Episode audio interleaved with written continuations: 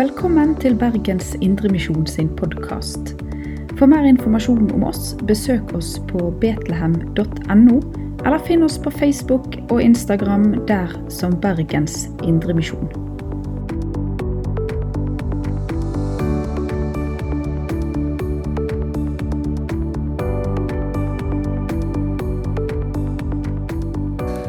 Kjekt å være her i Bergen igjen. Fikk beskjed om å måtte introdusere meg litt. Jeg var her for ikke så lenge siden.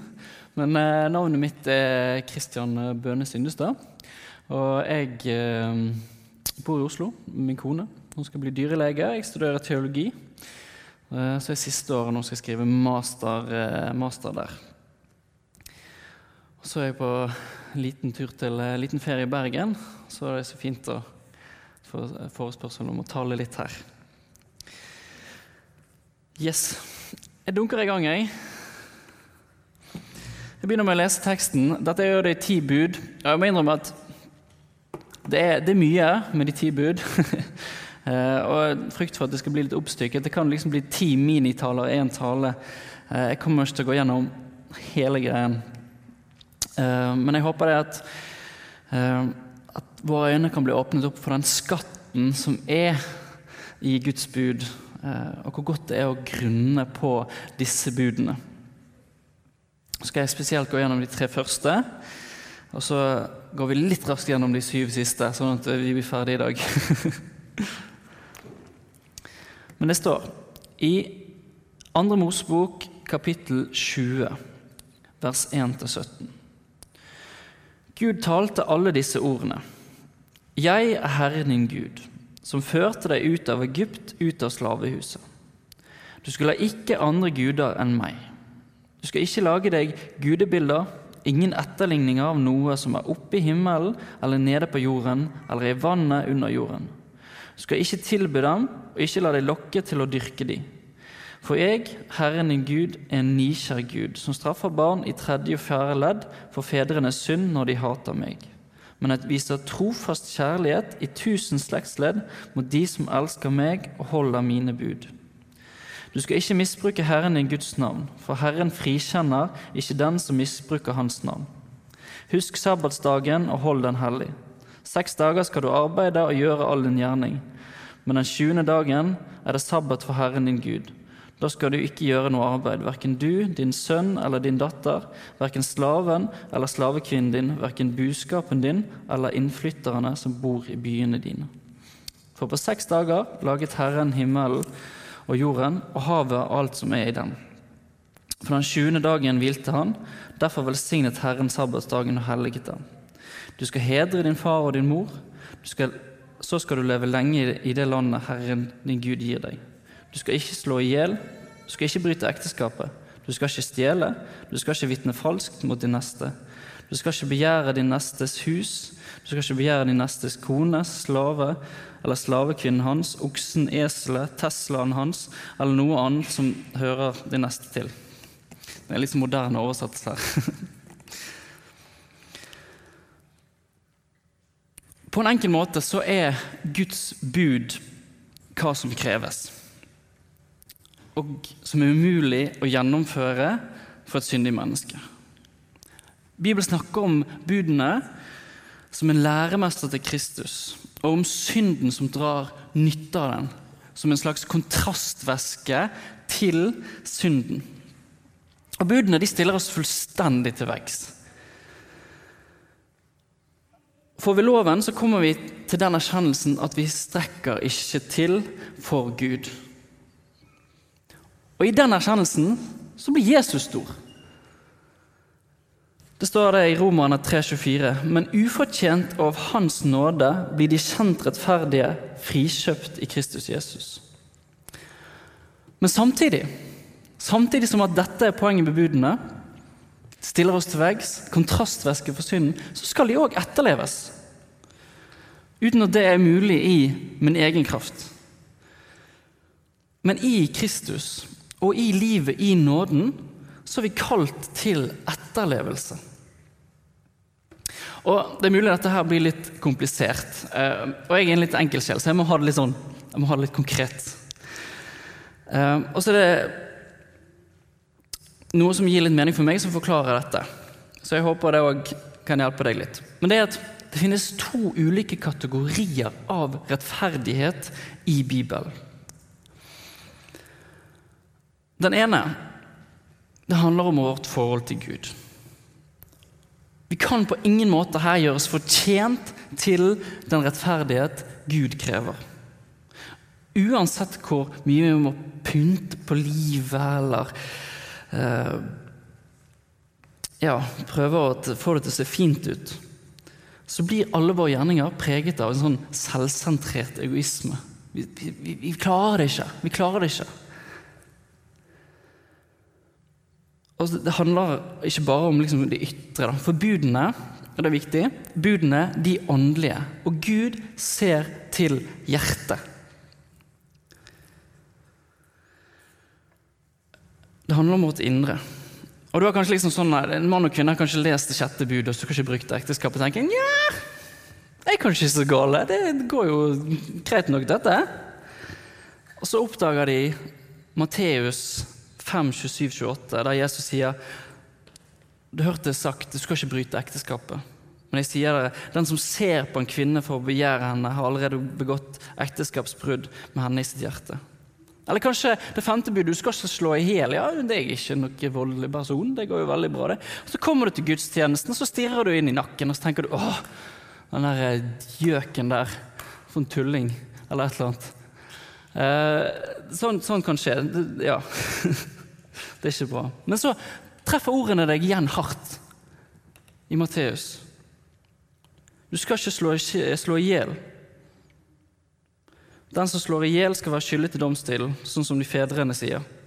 Men jeg sier dere, som Jesus sa, den som blir sint på sin bror, skal være skyldig for domstolen. Og den som sier til sin bror, din idiot, skal være skyldig for det høye råd. Og den som sier din ugudelige narr, skal være skyldig til helvetes ild. Overfor Gud så er vi helt, totalt, håpløst eh, fortapt i oss sjøl i møte med Guds bud. Og det er ingenting vi kan få til i oss sjøl her. Og Derfor er det eneste håpet vi har, det er i Jesus Kristus. Når vi legger ned synd, nederlag og håpløse forsøk i egenrettferdighet kommer til Jesus som en angrende synder, så er lovens forbannelse noe vi blir fridd fra. Det står i Galaterne 3,13. Men Kristus kjøpte oss fri fra lovens forbannelse da han kom under forbannelse for vår skyld. Det er fantastisk, ikke? Men så finnes det òg en annen type rettferdighet i Bibelen. Og for rettferdighet, eller rettferdig, det betyr å være i riktig relasjon til noe. Og på den måten så har vi én rettferdighet i møte med Gud. Ikke sjans. Da er det Gud som ordner alt. Men så har vi rettferdighet i møte med verden. Og her, i det livet i Kristus, der vi skal få lov til å leve i et rett forhold til verden, så blir budene en, en rettesnor for oss. Og Det handler enkelt om at der vi er i livet, kan vi møte mennesker og leve i rett relasjon til skaperverket. Og det er om du dyrene på dyreklinikken eller i fjøset eller eh, kollegaer, naboer, barn, foreldre, kone. Det handler om å leve i rett relasjon til de. Altså to typer rettferdighet.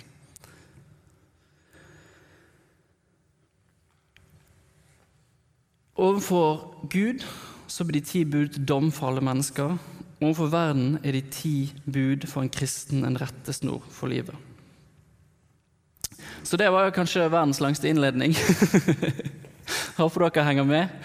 Eh, men til de, ti bud når vi, når vi, nå leser disse versene, leste disse versene i kapittel 20, så, så har eh, jødene akkurat blitt fridd ut. De kom til Egypt, og så var de der i 430 år. Og i mange av de årene så var de som slaver eh, under kongen der, farao. Og så Eh, sendte eh, Gud Moses, og så blir de fridd ut. og Så liksom, blir det liksom høydepunktet når de står der ved Sivsjøen, alt virker fortapt. Og så deler Jesus, Gud eh, eh, sjøen, og så går israelittene tørrskodd. Så står det at de vandrer tre måneder gjennom ørkenen. Så skulle de til Sinai, et fjell, fjellet Sinai, og der åpenbarer Gud seg for eh, israelittene. Og der eh, inngår de Gud en pakt med israelittene. Og Denne kapittel 20 det er da på en måte åpningen i, i, i disse forordningene og, i, og budene som liksom gikk inn i den pakten. Uh, og så er det sånn Kan kanskje noen tenke liksom sånn Hvorfor er dette relevant for meg i dag? Men Jesus, eh, Jesus sier òg i Matteus 5 det blir mye Matteus 5, jeg håper dere henger med. Sannelig, sier dere, før himmel og jord får gå, skal ikke minste bokstav, en minste bokstav eller en eneste prikk i loven få gå, før alt er skjedd. Og så er det noen det er mye rare bud og sånn hvis du leser i Mosebøkene. Sant? Ikke alt som man skjønner. Men vi skiller gjerne på ulike typer seremonielle, sivile. Men så er det noen moralske lover som er uttrykk for Guds universelle og tidløse vilje, som gjelder for oss i dag. Og så kan vi liksom ha et sånn anstrengt forhold. Jeg kjenner liksom det. Jeg skjønner bare meg. liksom Leser de ti det er liksom, uh, det er litt tungt. Men disse budene, de er gode.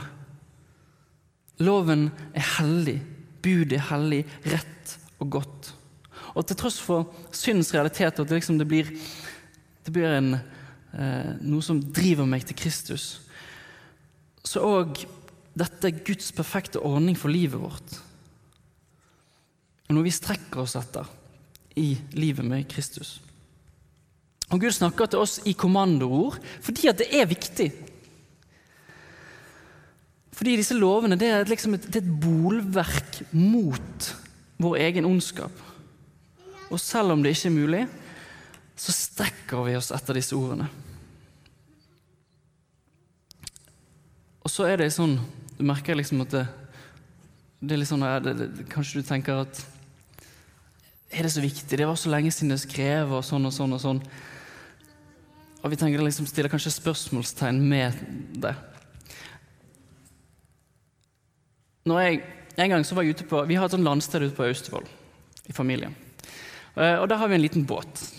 En, uh, eller vi hadde en, vi har fått en litt større båt, Pappa kjøpte en litt større båt, men vi, vi hadde en ganske liten båt med en sånn åttehesters påhengsmotor.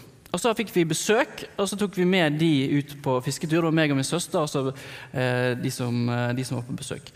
Og i, i den båten, den er veldig liten, så det skjedde det uunngåelige, det, det, det, måtte jo skje, det at vi fikk gutta i propellen. Så da var vi der ute på sjøen, full båt, eh, og jeg henger over ripen og prøver å fikse liksom dette guttet. Og så driver vi inn mot et berg.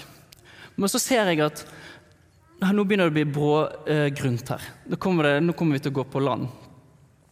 Og jeg sier til min søster begynn å ro. Et kommandoord til henne. Og Istedenfor å begynne å rose, sier han nei, de kan ikke snakke sånn til meg.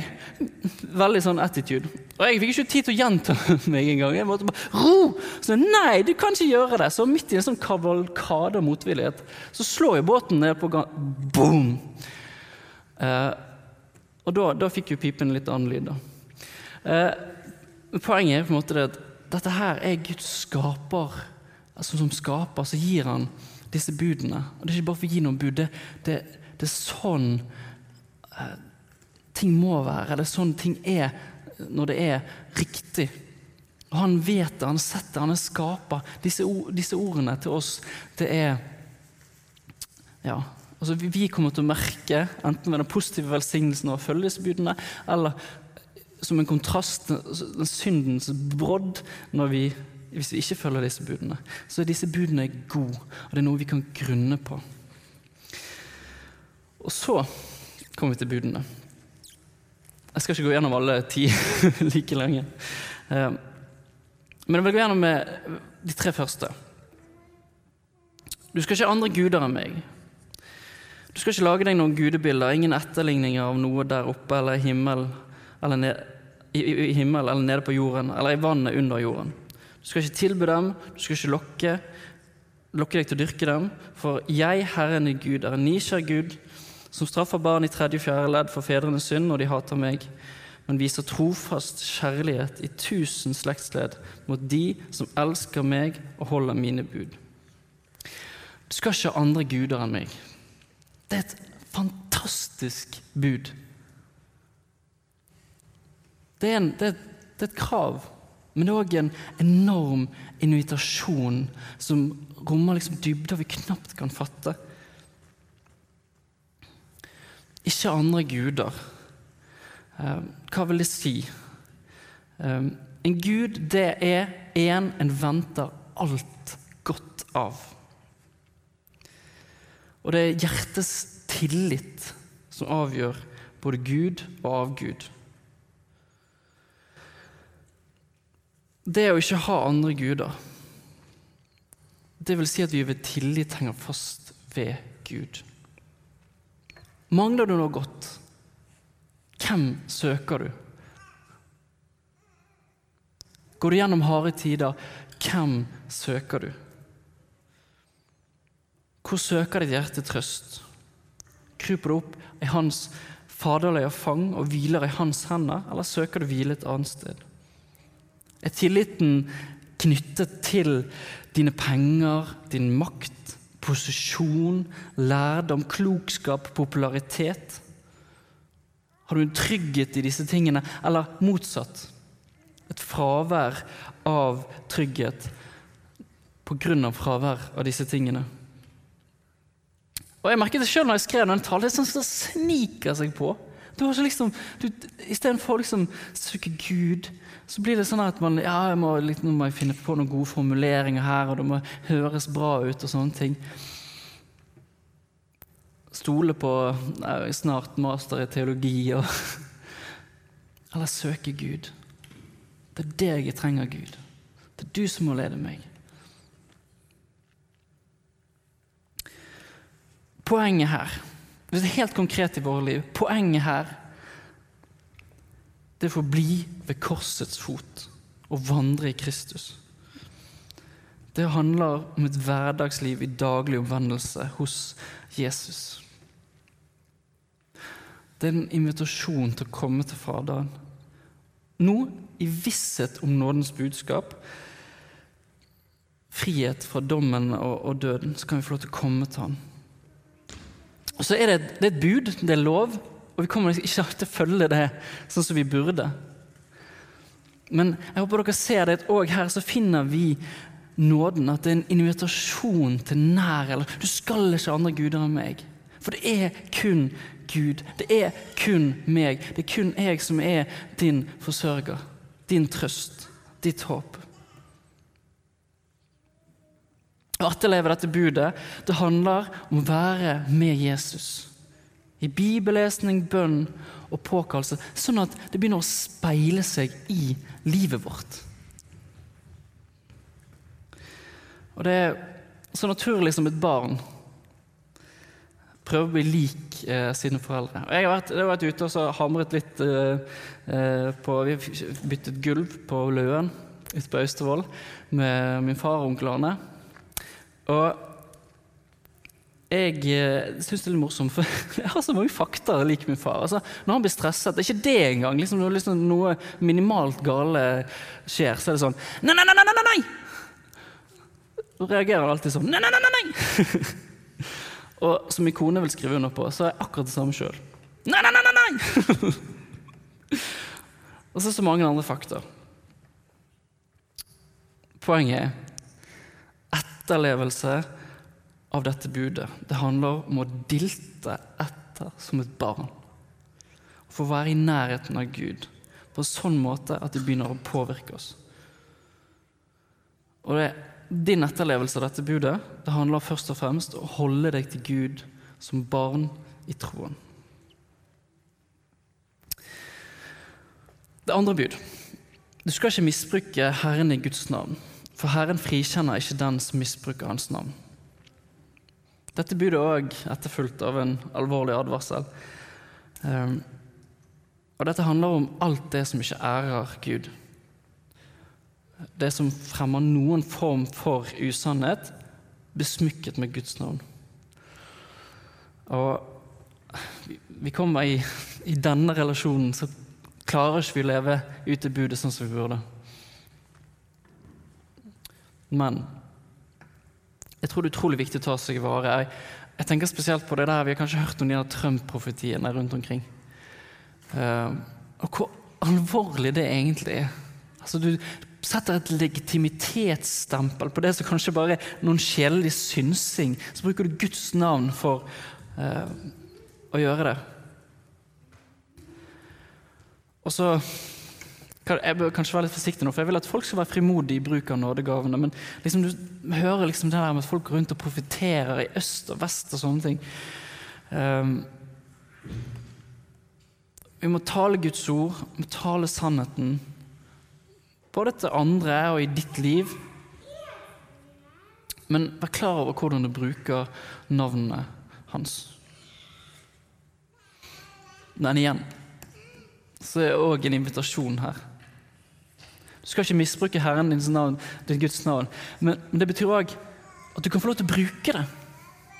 Du kan få lov til å ta det i munnen, til å rope. Enten det er i takk eller nød. Og skal jeg prøve å omformulere noen vers eh, fra disse to eh, budene. Så det, med hjertet har vi hele vår tillit, hele vår, vår hele og udelte tillit til Gud. Og med munnen så bekjenner vi og søker Han som har omsorg for oss.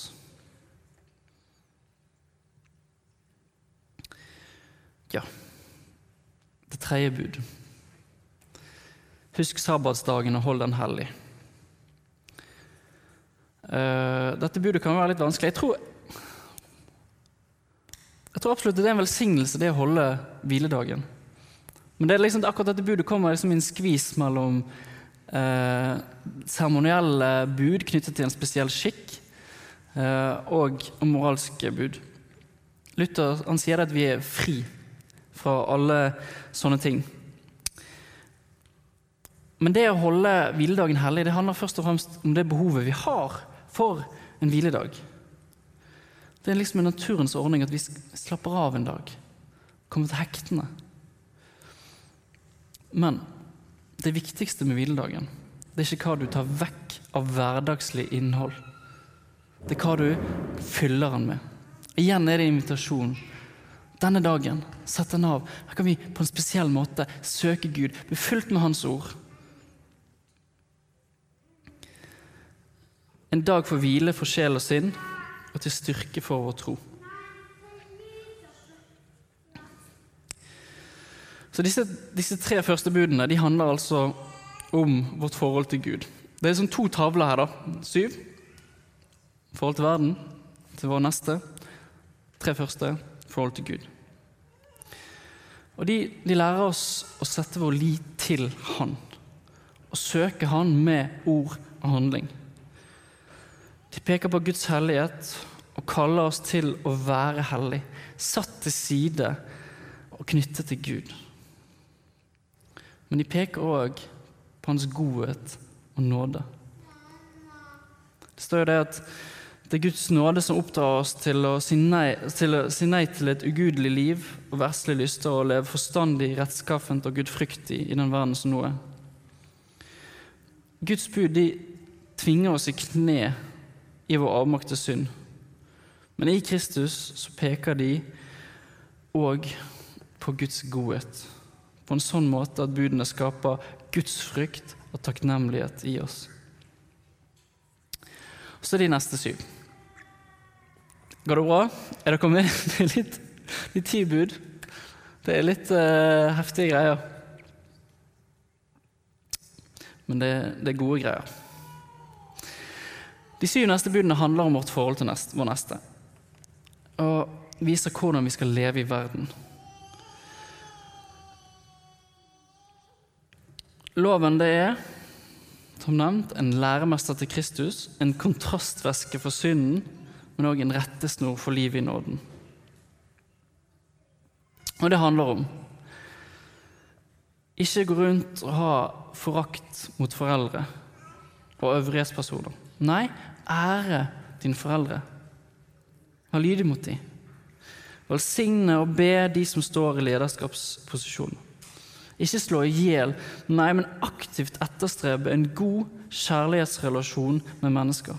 Og da spesielt, tenker jeg, i menigheten, hvor vi har et sånn spesielt kall til at vår relasjon skal være uttrykk for den kjærligheten Gud har vist oss. Ikke bryte ekteskapet, nei. Elske sånn som Kristus har elsket menigheten. Ikke stjele, men aktivt gi til de som trenger det. Ikke vitne falskt og lyge, men aktivt strebe etter sannheten. Ikke begjære de nestes kone, mann, eiendom, esel eller Tesla. Nei, men ha din glede i Herren, og vite at du eier alt i Gud. Derimot velsigne og støtte din neste. Elske den. Jeg kommer ikke til å gå noe mer gjennom disse budene enn det. Men jeg vil veldig anbefale dere å sitte dere ned og grunne på disse budene. Og hvis jeg kan anbefale Nå kan ikke jeg katekismen min helt utenat, jeg heller. Men eh, hvis dere har den tilgjengelig, Luthers store katekisme, kommentaren hans til de ti bud, den eh, slår han ut av parken der. Den er veldig bra. Jeg anbefaler dere til å sette dere ned og grunne litt på det. Men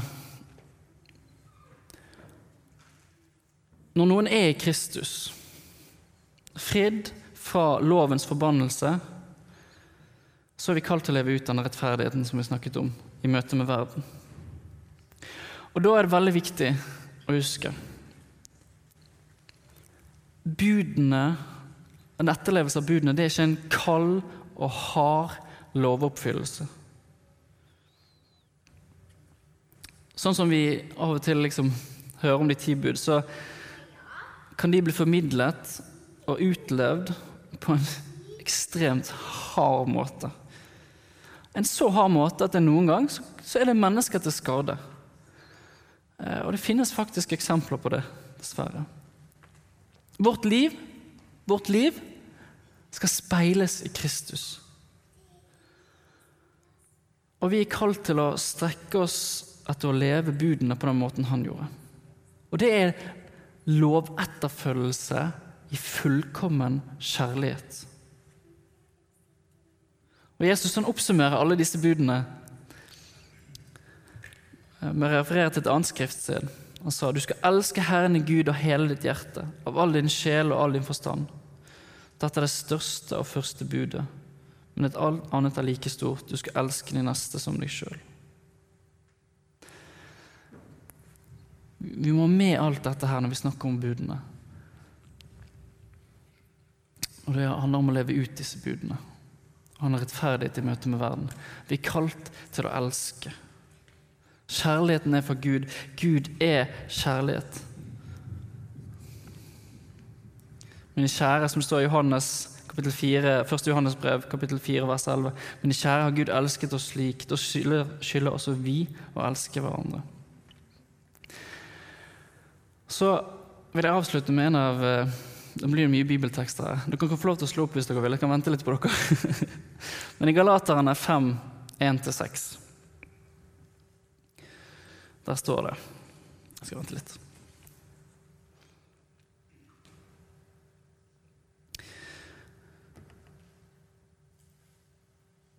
Dette er en av lesetekstene jeg vet ikke om jeg sa det, men det er fra en av lesetekstene til i dag. Der står det Til frihet har Kristus frigjort oss. Stå derfor fast, og la dere ikke tvinge inn under slaveåket igjen. Hør hva jeg, Paulus, sier dere. Hvis dere lar dere omskjære, vil ikke Kristus være til minste hjelp for dere. Jeg erklærer igjen, hver den som lar seg omskjære, er forpliktet til å holde hele loven. Dere som vil bli rettferdige ved loven, er skilt fra Kristus. Dere er falt ut av nåden. Men vi venter i ånden ved tro på den rettferdigheten som er vårt håp. For i Kristus Jesus kommer det ikke an på om man er omskåret eller uomskåret. Her gjelder bare tro som er virksom i kjærlighet. Vi blir kalt til frihet. I Kristus så er vår stilling til Gud oppgjort. Vi blir rettferdiggjort ved tro. Vi som ikke har sjanse til å etterleve disse budene på den måten vi er kalt til. Men når syndens vonde og tunge utnyttelse av budet er borte, idet vi dør bort fra synden Når lovens kontrastvæske er blitt omgjort til nådens kontrastvæske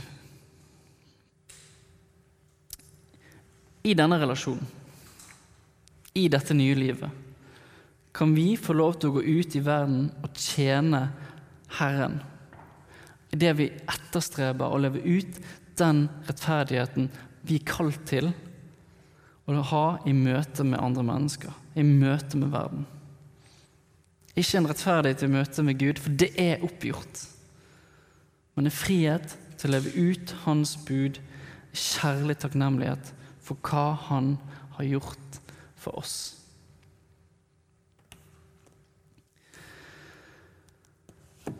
Jeg avslutter med en bønning. Kjærmeske Far, jeg bare takker deg for, for, dine bud. Jeg takker deg for din nåde. Jeg takker for den kjærligheten du viste oss når du sendte din sønn til soning for våre synder. Jeg bare ber om ånd og innsikt til å få lov til å grunne over disse budene. Og at, det, at de kan få lov til å påvirke oss, sånn at vi kan få lov til å leve ut det kallet du har til oss i møte med verden. Så takker jeg deg, Gud. Eller jeg ber deg, Gud, om at du må bare gjenvise oss hvor håpløst det er i møte med deg, sånn at ikke vi finner på å streve i egen kraft etter å oppfylle budet i møte med deg. Men at vi kan få lov til å hvile i nåden og se til Jesus, at Jesus må bli for stor, bli stor for oss. At vi kan få lov til å takke for det du har gjort for oss. Og i, den, i dette nye livet så må du gi oss ånd og kraft til å få lov til å gå ut og være lys i det vi lever ut den rettferdigheten vi er kalt til, i møte med mennesker. At vi kan få lov til å være i en rett relasjon sånn som du har kalt oss. At vi kan få lov til å peke på deg i hverdagen når vi møter vår neste. Jeg ber deg om det i ditt navn. Amen. Du har lytta til Bergens Indremisjon sin podkast.